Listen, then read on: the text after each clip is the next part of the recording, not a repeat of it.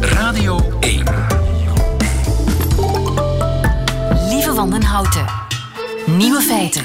Dag en welkom bij de podcast van Nieuwe Feiten, geïnspireerd op de uitzending van 14 april 2020. In het nieuws vandaag dat IJslanders de raad krijgen om in deze tijd van isolatie één keer per dag een boom te knuffelen. De overheid maakt de bospaden daarvoor sneeuw- en ijsvrij, zodat de IJslanders in quarantaine zoveel en zo veilig mogelijk van de boslucht kunnen genieten. Wie last heeft van eenzaamheid of huidhonger, kan best een boom omhelzen. Vijf minuten per dag is al genoeg. Althans, dat zegt de dienst Bosbeheer. Na een week zou je al verschil merken. Je zou energieker, opgewekter en minder eenzaam moeten worden. Experts roepen wel op om vooral niet allemaal dezelfde boom te gaan knuffelen, want dat zou dan weer besmettingsgevaar inhouden. Niet simpel, want IJsland heeft maar een paar bossen. Maar het hoeft geen grote dikke joekel te zijn. Ook de kleintjes laten je achter met een voldaan gevoel. Zo laat Bosbeheer nog optekenen. Zo hoort u het ook eens van een ander. De andere nieuwe feiten. Hoe moeilijk het is om aan de juiste mondmaskers te geraken, vertelt Chris Eraar, die al een kwart eeuw mondkapjes uit China importeert. In Polen wordt betoogd tegen de regering die abortus in alle gevallen wil verbieden. Betogen in volle coronamalaise. Nieuw-Zeelandse papegaaien zijn zo slim dat ze aan kansberekening kunnen doen. En in deze sombere coronatijden steekt Cas Goossens Itegem een hart onder de riem en daarmee indirect de hele mensheid. Veel plezier. Dames en heren, hier is er weer de Idegeemse kroonakniek. de Hugo's, hè? Dag meneer Goossens, Eh, hoe gaat het met u?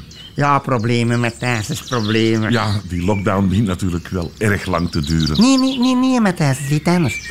Ons Mia is in haar gat gebeten. Oei, en, en waarom is ze kwaad? Nee, nee, nee, Matthijs, het is letterlijk in het gat gebeten. In onze hof, door die nieuwe wolf. Ah ja, die, eh, die wolf die onlangs in Herenthout is gesignaleerd. Ja, ja, dat is hem. De Flor.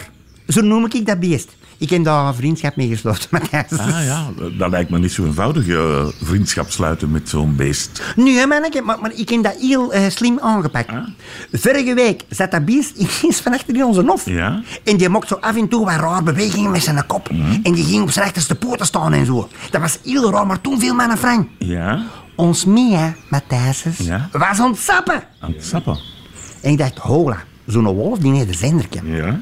Zodat de deskundigen zouden weten waar het hem zit. Mhm. Maar misschien kan zo'n zenderke ook signalen ontvangen en verstaan. Aha, ja. Dus ik heb dat sapkastje van ons Mia afgepakt.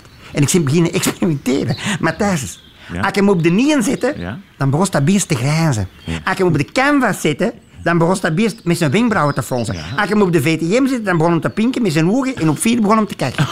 ja. Allee, enzovoort, enzovoort. En Matthijs, dus met de opnameknop kon hij op zijn achterste poten laten staan. En dan kon hij zo met die pijltjes, met zijn steert en met zijn vuurpoten laten zwaaien en zo. Ja, ja. Matthijs, dus binnen de kortste keren kon ik dat beest de vogeltjesdans laten dansen. In de lambada, tegelijk. Ja, dat is wel sterk. Dat was natuurlijk een kwestie van slim zijn, Matthijs. En ik dacht natuurlijk ook, misschien moet ik iets doen voor die kinderen die na niet meer naar die kinderboerderijen kunnen gaan en zo. Ah, ja, ja, ja. Dus ik heb hem op de Facebook van, Geze van Etegem gezet. Ja. Morgenavond om 8 uur grote show van de Kas en de Wolf. Ah, ja, en, en wisten de mensen dan wat ze moesten verwachten? Nee.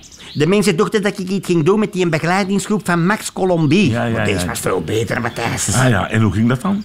Matthijs heel Etegem stond klaar zijn raam of in zijn vuur of op een sociaal gedistilleerde social distance. Ah, ja, ja. En dan kwam die wolf eraan. Ja? Ik vier meter erachter in een grote regenvrak. Ja. Met grote zakken.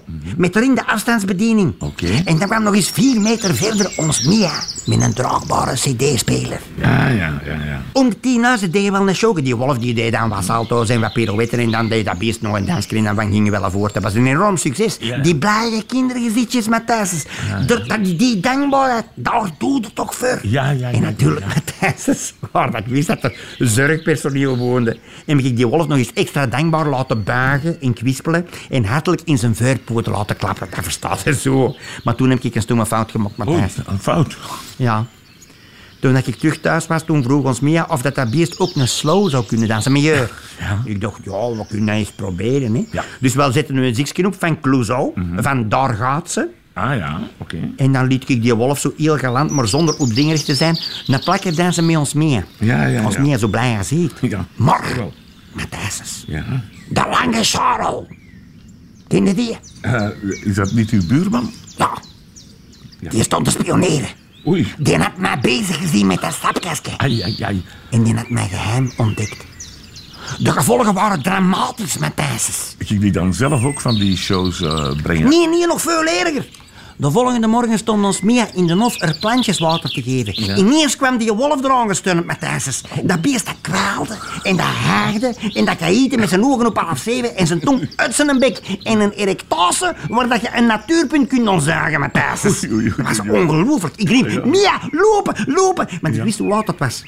De knop van een teletext. Lange Charles had mijn geheim van de knop van een teletext ontdekt, Matthijs. Het geheim van de knop van de teletext. Ja.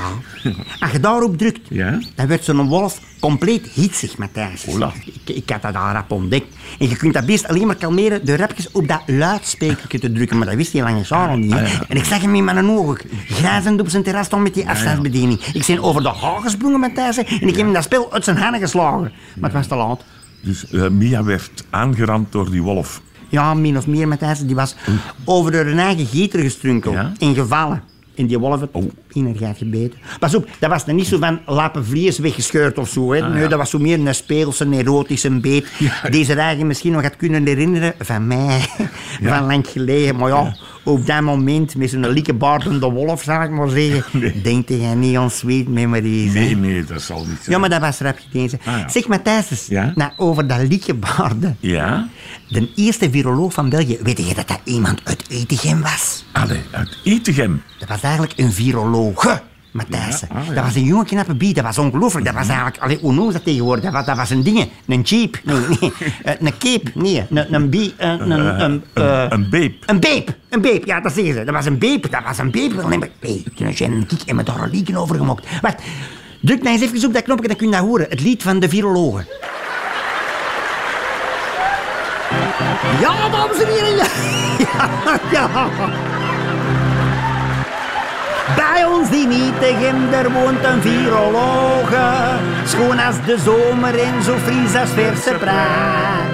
Die virologe is, dat is echt niet gelogen. Het schoonste wijf van heel de neten vallen. Eh, wacht, wacht even, Eugène, eh, ik, heb, ik heb fout gezongen. Ja, dames en heren, ik heb die tekst op aandringen van ons Mia een beetje verbeterd. Wacht, Eugène, nog eens terug, ja. Die virologe is, dat is echt niet gelogen. Het weer de schoonste wijf van de vallen. Ik zend er een dag of vijf geleden is gaan bellen. Want ik dacht wie dan niet wint, die dan niet wacht. En ik zal hulle direct eens gaan vertellen. Wat dat ik toen aan die virologen heb gevraagd. Virologen zou ik misschien zo eens een keer een curve mogen zien. Virologen zitten te vermurven tot een aanblik op een curve. Ik zou zo graag een keer constateren hoe dat dat curve evolueren.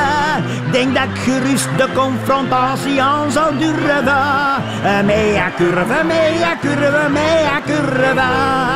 Alsjeblieft, madame de virologe. Dat curve kijken zou dat even mogen. Die virologie in het compleet dan maar. Ik denk al hier nog maar aan curve. Het is onbegonnen om te gaan turven. Hoe dikwijls dat ik niet dromen van een curve. Denk dat ik gerust de confrontatie aan zou durven. Mea curve, mea curve, mea curve. De confrontatie, mea curve.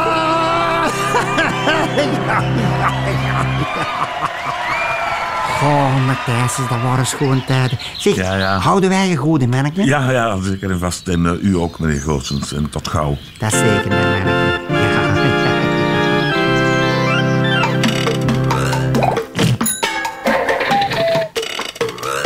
Nieuwe feiten. Mondmaskertjes naar België halen, hoe moeilijk kan het zijn? Een bedrijf uit Lokeren importeert al jaren mondmaskers uit China. Kunnen zij de vraag nog bijhouden? Goedemiddag, Chris Eraar. Goedemiddag, lieve. Van, uh, hoe heet jouw bedrijf? Distrifund? Uh, Distrifund is de holding die de bedrijven controleert, maar in die groep is een bedrijf dat heet Belscan. En Belscan zit al 26 jaar in het vak van beschermkledij. En hoeveel maskertjes importeren jullie in normale tijden, zeg maar? dat is grappig. Vroeger, uh, ik denk iets van een 200.000, 300.000 stuks per jaar. En nu? Per dag? Ik weet het niet. Miljoenen per week. Miljoenen per week? Ja. Dus dat, dat is een gigantische stijging. Lukt dat? Is het nog doenbaar om die miljoenen maskertjes, kosher maskertjes, te vinden op de Chinese markt? Wel, Belsken had zich voorgenomen van in het begin van alleen maar te werken met de fabrikanten waar dat we al decennia mee werken.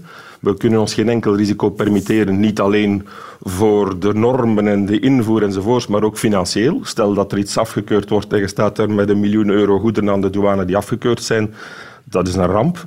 Dus voor beide redenen we, werken we enkel via de bedrijven die wij al decennia lang kennen. En daar gebeurt natuurlijk nu dat het, uh, het aanbod beperkt wordt. Ja.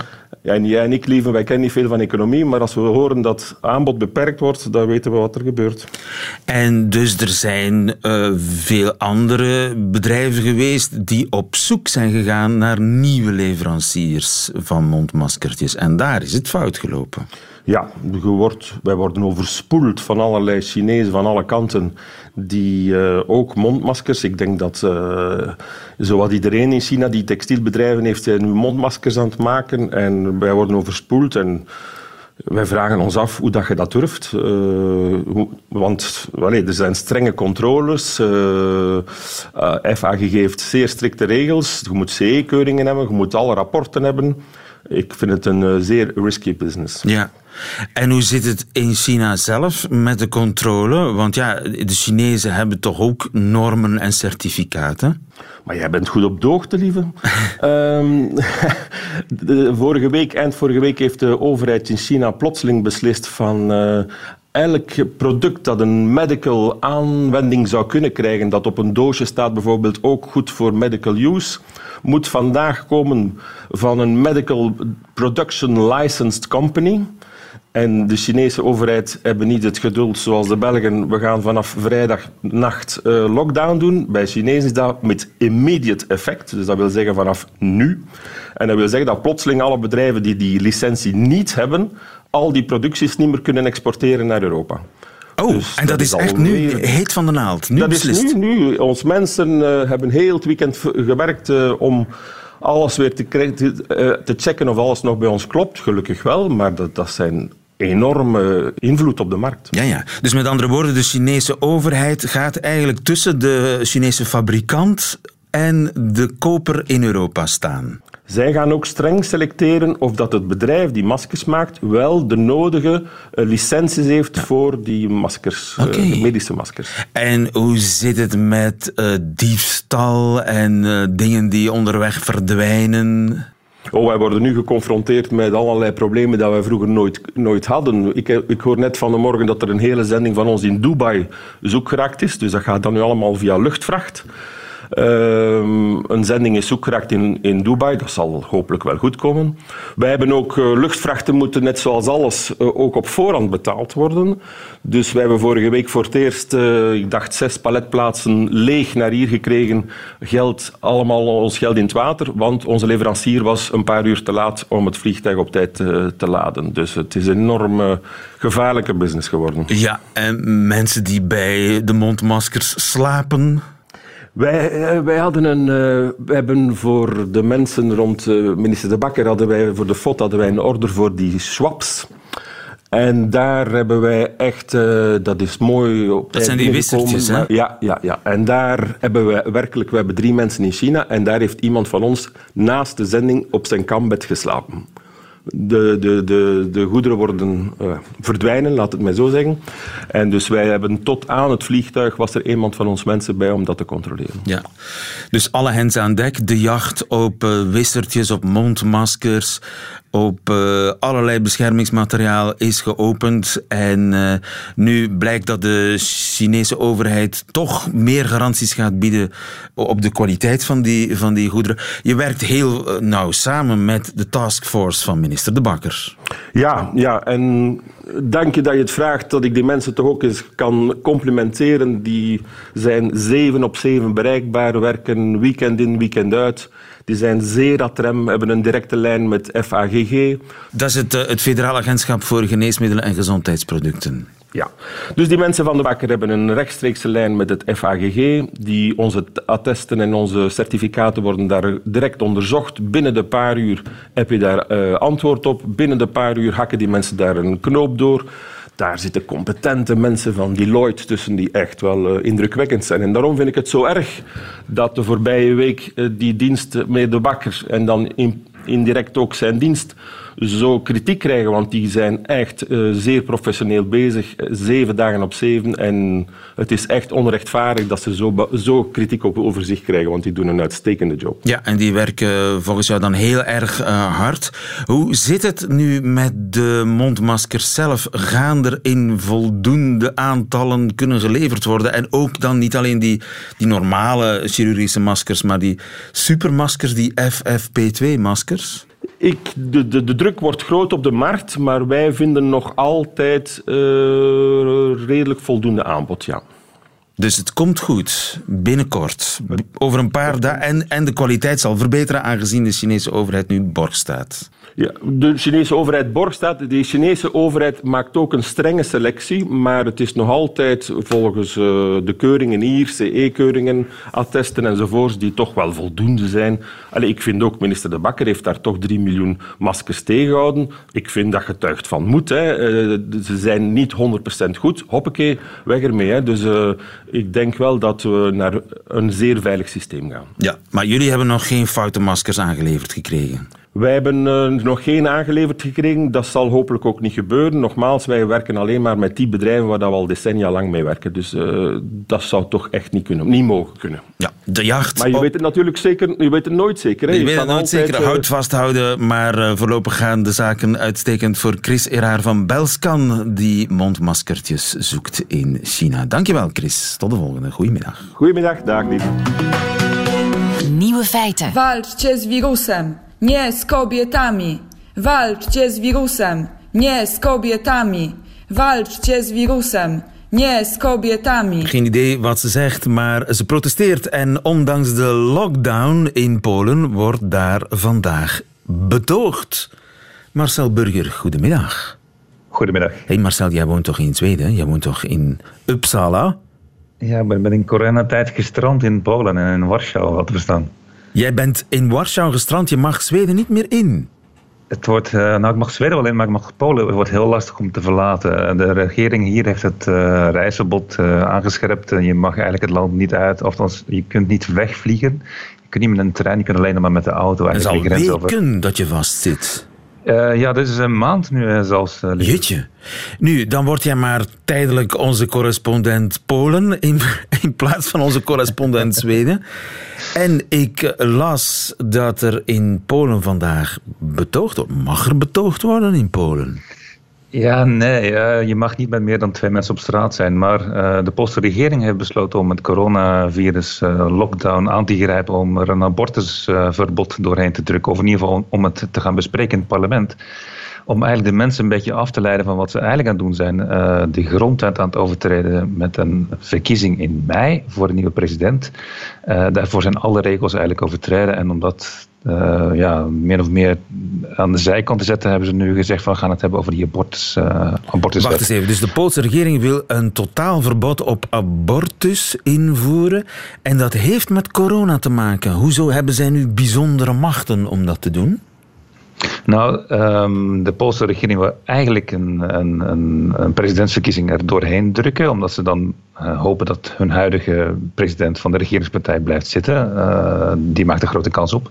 En uh, die regels zijn daarvoor overtreden. En nu hebben ze vaker in het verleden gedaan, als ze zoiets doen, als ze iets doen wat eigenlijk niet mag, dan brengen ze het uh, abortusverbod opnieuw uh, in, in, het parlement om eigenlijk mensen min of meer af te leiden. En nu dachten Als een soort afleidingsmanoeuvres. Precies, en nu dachten ze van mensen kunnen toch niet protesteren, dus ze kunnen het gewoon heel vrij erover gaan hebben en dan kunnen we uiteindelijk besluiten om er een uh, stemming over te houden. Um, maar er wordt wel geprotesteerd. Uh, zelfs nu op dit moment, uh, al ruim een half uur, is de hoofdrotonde van het centrum van Warschau is, geblokkeerd door allerlei auto's. Want je kunt natuurlijk wel met je auto de straat op en dan alsnog de boel blokkeren. Aha, dus het is geen, betoging, geen klassieke betoging, maar een autocaravaan eigenlijk. Ja, eigenlijk een autocaravaan die, die vlak bij het Centraal Station en bij dat enorme cultuurpaleis, wat u misschien kent in het centrum van Warschau. de politie loopt daar nu rond. Er zijn, voor zover ik weet, nog geen bekeuringen uitgedeeld of uh, nog niet echt actie ondernomen. Maar de rotonde staat bijna helemaal vast met auto's, met mensen die op een auto een posters hebben geplakt. Uh, verbod of vecht tegen het virus, niet tegen de vrouwen, want dat is de slogan van de, van de actie. Ja. Um, en dat is op dit moment in drie andere steden in Polen ook aan de gang. En vanavond zelfs in Canada bij het Pools consulaat. Ja, dus de coronatijd is een extra harde tijd voor vrouwen in Polen, begrijp ik. Nou, het is altijd een harde tijd voor vrouwen sinds dat de huidige conservatieve regering aan de macht kwam. Uh, ze hebben geld weggetrokken bij hulplijnen voor vrouwen. Uh, er wordt meer geld gegeven voor kinderen met het uh, uitgangspunt dat vrouwen dan hun werk verlaten en gewoon thuis met de kinderen gaan zitten. De Poolse regering wil de wet op uh, ja, geweld thuis verruimen, zodat mannen niet meer gestraft kunnen gaan worden voor als ze hun vrouw slaan. Dus er is eigenlijk een Allemaal naar aanleiding van corona. Dus mannen mogen hun vrouw slaan. Want ja, er is nee, die, corona. Ja, die trend, die trend is al langer aan de gang. En nu, nu de corona is, uh, doet de Poolse regering eigenlijk hetzelfde als de Hongaarse regering deed. Uh, ze nemen allerlei extra macht, uh, trekken, naar, trekken ze naar zich toe om een soort ja, meer dictatoriale, totalitaire staat te krijgen waar ze meer te zeggen hebben en het volk minder te zeggen krijgt. Ja. En een totaalverbod op uh, abortus, dat betekent dat abortus op dit ogenblik in Polen niet totaal verboden is. Nee, het is bijna verboden. Alleen als u bijvoorbeeld uh, als u ongeboren kind een, een, een, zware afwijking heeft of uh, ernstig ziek is, dan, uh, dan zou u die abortus nog mogen laten doen. Het is alleen wel heel lastig. Dus veel vrouwen die abortus willen, die gaan dan de grens over naar Slowakije bijvoorbeeld. maar nu zegt de president van Polen, ja, maar ook het, het, het Zelfs in die extreme gevallen kan abortus niet. Maar nee. het parlement moet hier toch nog over gaan, veronderstel ik toch? Ja, uh, de vraag is nu of de conservatieve regering dus dat uh, voorstel in, uh, in stemming gaat brengen. Als ze het gaan doen, dan winnen ze dat heel makkelijk, omdat ze een meerderheid hebben in het parlement. maar waarschijnlijk houden ze het nog steeds achter de hand voor een volgende keer, als ze mensen willen afleiden van wat ze eigenlijk aan het doen zijn. dus het is niet helemaal zeker dat er morgen echt een stemming gaat komen. President van Polen heeft wel gezegd, het doodmaken van ongeboren kinderen met een handicap is ook gewoon moord. Ja. en dus uh, dat is eigenlijk de, de, de tweespalt in het post. Maar eigenlijk gaat het om, om een, een, ja, een truc om het niet over corona te hebben, eigenlijk. Eigenlijk gaat het om een truc om het niet Denken over corona te hebben en niet uh, te hebben over dingen die eigenlijk niet kunnen. Marcel Burger in Warschau, noodgedwongen. Wanneer mag je vertrekken, denk je, naar Zweden? Ja, dat is de vraag. Uh, de, ze zeggen nu eind april, begin mei zou het misschien kunnen. Uh, met het vliegtuig in ieder geval. Ik kan natuurlijk wel naar Zweden met de auto, maar ik mag Duitsland dan weer niet door. Uh, er is alleen een boot en dat is ook lastig om die te bereiken. Dus ik zit hier voorlopig nog wel even liever. Marcel Burger, hou je sterk en veilig in Warschau. Dankjewel. Goedemiddag. Feiten. Papegaaien kunnen niet alleen prachtig imiteren, ze hebben ook een soort van ja, glazen bol. Ze doen voorspellingen. Hans van Dijk, goedemiddag. Goedemiddag, lieven. Professor gedragsbiologie in uh, Louvain-la-Neuve. In Nieuw-Zeeland hebben ze onderzocht of de Kea-papegaai aan kansberekening doet. Maar wat is een Kea-papegaai? Oh, een Kea-papegaai is een fantastisch dier. Het is heel lang een zeldzaam dier geweest. Nu zijn ze terug iets meer algemeen. Maar het is een papegaai die eigenlijk een soort kwajongen is. Bij de meeste toeristen die in Nieuw-Zeeland komen, kennen hem en zijn eerst heel enthousiast om hem te zien, maar nadien beklagen ze vaak de ontmoeting, omdat het niet alleen heel pintere dieren zijn, en dat hangt er eigenlijk met samen, het zijn ook wel uh, heel stoutmoedige en echte, ja, zeg maar, kapoenen onder de dieren. Ze vallen heel wat toeristen lastig. En ik herinner trouwens mijn, mijn broer Tom, die is wel eens in Nieuw-Zeeland geweest en die heeft daar ook last gehad met zijn camper, waar dat die papegaaien aan de antennes beginnen te draaien, ze gaan de rubberen banden van de ramen beginnen openvreten. Ze hebben een heel handige bek en ze zijn echte speelvogels. Als ze iets nieuws zien in een omgeving, willen ze dat onderzoeken, willen ze dat manipuleren en vaak komt dat neer op kapot maken. Dus ze zijn nogal berucht, zeg maar. De mensen die ooit in Nieuw-Zeeland geweest zijn, uh, komen ze wel tegen. Want ze zitten lang niet meer in de natuur. Ze gaan ook, ze vinden, veel vinden het veel leuker om op parkings, om op uh, ski, want papegaailieve associeer je vaak met tropische gebieden. Maar deze plekken waar die Kea zit, is echt hoog in de bergen. Het is ook in ski resorts, dus ze leven echt in een winterlandschap. Ja. Er zijn trouwens op YouTube filmpjes waar ze met sneeuwballen naar elkaar gooien. Ze gooien met sneeuwballen naar elkaar. Het zijn echte speelvogels. Ja, het zijn echte speelvogels en het zijn ook hele slimme beesten. Blijkt uit een onderzoek waarbij ze onderzocht hebben, en dat, dat is natuurlijk niet makkelijk om dat te onderzoeken, of ze aan kansberekening doen. Ja, in kansberekenen, ik merk dat ook bij mijn biologiestudenten, als ik zeg kansberekening, dat is statistiek. En het woord statistiek, daar komen vaak bij heel wat mensen de haren recht aan. Ai, oei, ingewikkeld, dat vergt toch heel wat van die bovenkamer. Dat is zo. Statistiek en kansberekenen in het bijzonder is iets dat we lang van uitgegaan zijn. We vinden het voor mensen al moeilijk. Laat staan dat dieren er uh, mee uit de voeten kunnen. Maar je ziet dus eigenlijk dat die papegaaien, de Kea, niet zomaar alle, want ze hebben het alleen met de Kea getest, daar wonderlijk wel in lukken. En wat bedoelen we daarmee? Neem, eigenlijk hebben ze de testen gedaan die we bij kinderen kunnen doen. Dus mensen, en al van op 10, 11, 12 maanden, dus rond een jaar, heeft een kind al een gevoel voor kans berekenen. Bijvoorbeeld, ik heb een, kom met groene ballen en ik heb een kom met rode ballen. Als ik daar één bal uitneem en het kind moet kiezen voor een groene bal, daar krijgt hij een beloning van.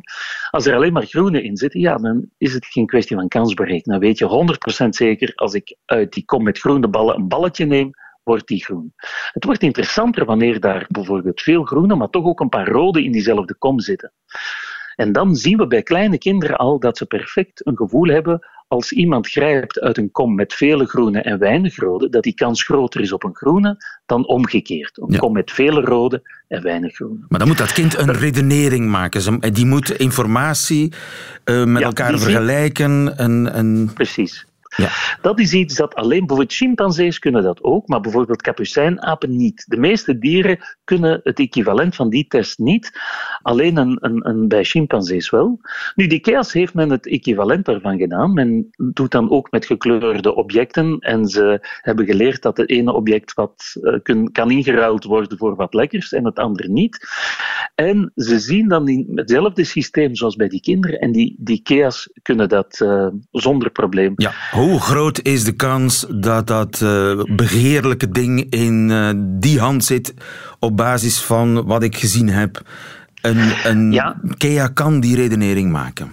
Ja, redenering. Dus ze hebben een gevoel daarvoor. Ze hebben die inschatting. Het gaat over een inschatting. Ze hebben dus, zeg maar, in hun bovenkamer hun brein, hoewel dat brein van een papegaai, een vogel, anders van structuur is dan van een primaat en een mensap en een mens uiteindelijk. Maar ze hebben dus, ze, komen tot, ze hebben hetzelfde vermogen, cognitieve vermogen om dat te doen. Maar dat is nog maar de eerste stap. Wat ze in deze prachtige studie ook gedaan hebben, zijn twee andere moeilijkheden. Want als je ziet hoeveel balletjes erin zitten en dan een inschatting maken van de relatieve frequentie, dat is één zaak. Ze hebben twee andere criteria getest, namelijk één, we stoppen er bijvoorbeeld, je hebt een kom met heel veel groen en weinig rood. Maar we gaan er nu ook nog bijvoorbeeld nog wel veel meer rode bij instoppen, maar we stoppen die in een bakje onderaan in de kom afgesloten. Dus je ziet die wel, maar ze tellen eigenlijk niet mee. Je, het verandert de verhouding rood-groen, maar een deel daarvan telt eigenlijk niet mee, want als je erin grabbelt, kan je nooit bij de balletjes komen die afgesloten zitten. Dus die zitten fysiek gescheiden. Dat is een moeilijkheid. Dat is iets waar chimpansees bijvoorbeeld dan veel moeilijker mee hebben of niet in lukken. De Kea lukt daar wel in. Wow. Dus ze kunnen rekening houden met een soort fysieke barrière, een grens, dan passen ze hun inschatting aan van kijk, daar zit nu wel meer rood, maar die rode tellen niet mee, want ze zitten afgesloten. Ja. En kinderen, kinderen kunnen dat dus ook, maar uh, Keas blijken dat ook te kunnen. Ja. En dat is dat tweede criterium. En lieve, zet u schrap, want er komt nog een derde bij om het helemaal mooi te maken. Ze kunnen ook hun inschatting, hun kansberekening, zeg maar, bijstellen op basis van sociale informatie. Want de man of de onderzoeker die het balletje uit de kom neemt, als hij dat willekeurig neemt, dan kan je zeggen, als er veel groene in zit, is de kans groter op groen, weinig rode, kleine kans op rood. Maar als de persoon nu niet willekeurig grabbelt, maar toch een soort voorkeur heeft van een hogere kans op groen. Hij aan het zoeken, in die kom, op zoek ja, naar. Bijvoorbeeld, ja precies, als je één uh, wetenschapper hebt die willekeurig grijpt en de andere heeft een soort bias in het slecht Nederlands, dat is Engels, hè, dus een soort vooringenomenheid, die gaat vaker toch grabbelen naar Ja, een ja. bepaalde kleur. Dus die, die is- Kea kan inschatten, hij is aan het zoeken. Die kan echt in het hoofd kruipen van die zoekende wetenschapper. Wat ze dan, ja, het is eigenlijk dan stellen ze hun kans bij op basis van de sociale informatie. Dus ze zien van dat is een, pers- dat is een persoon, ik moet hier alleen rekening houden met eh, de verhoudingen in de kom, of ik moet hier niet alleen rekening houden met de verhoudingen in de kom, of eventueel als er balletjes apart afgesloten zitten of ingesloten zitten, zoals ik daarnet zei, maar ook wie grabbelt.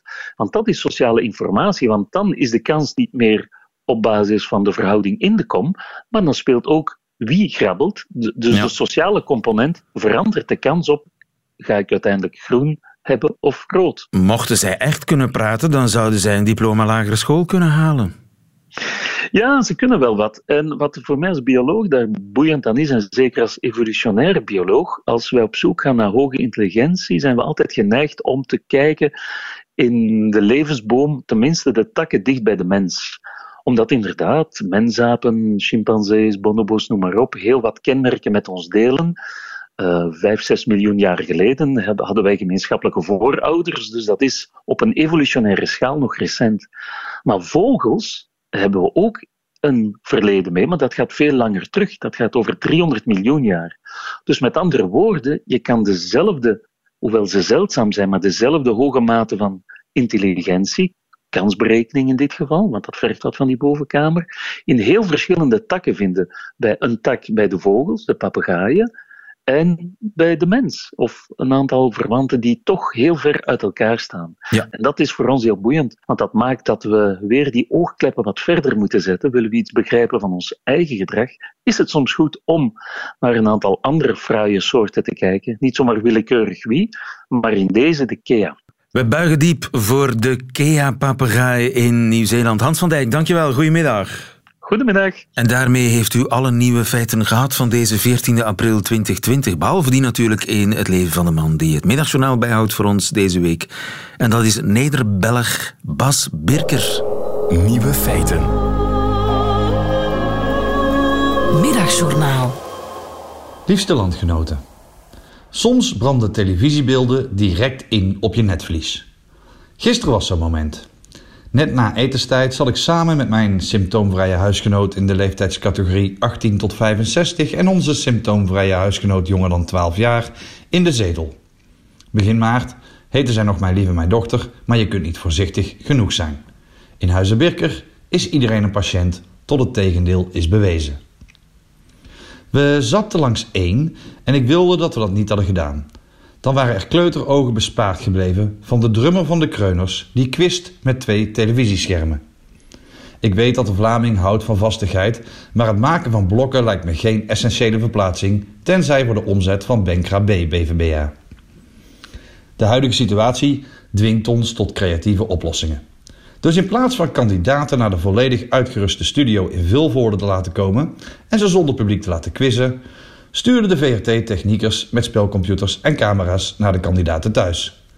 Ik ben geen wiskundige, maar per saldo lijken me dat precies evenveel niet-essentiële verplaatsingen over exact dezelfde route, maar dan een omgekeerde volgorde.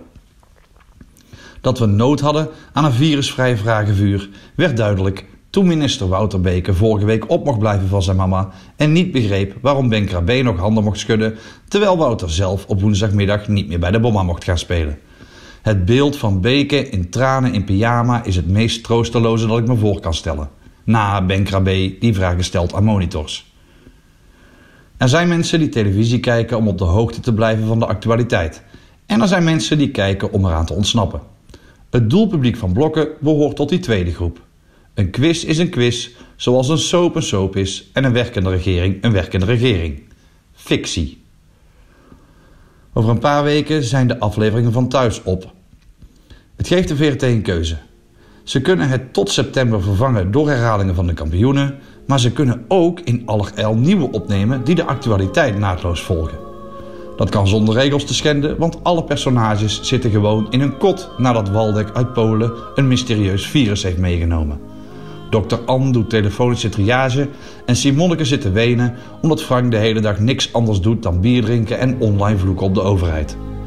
Uiteindelijk sterven alle huisgenoten ouder dan 60 op een plek waar de camera's helaas niet bij konden komen omdat er een tekort is aan testen en beschermingsmiddelen. Zo zie je maar, zal de Vlaams minister van Welzijn met een bakje chips tegen de webcam zeggen. Nergens beter dan thuis.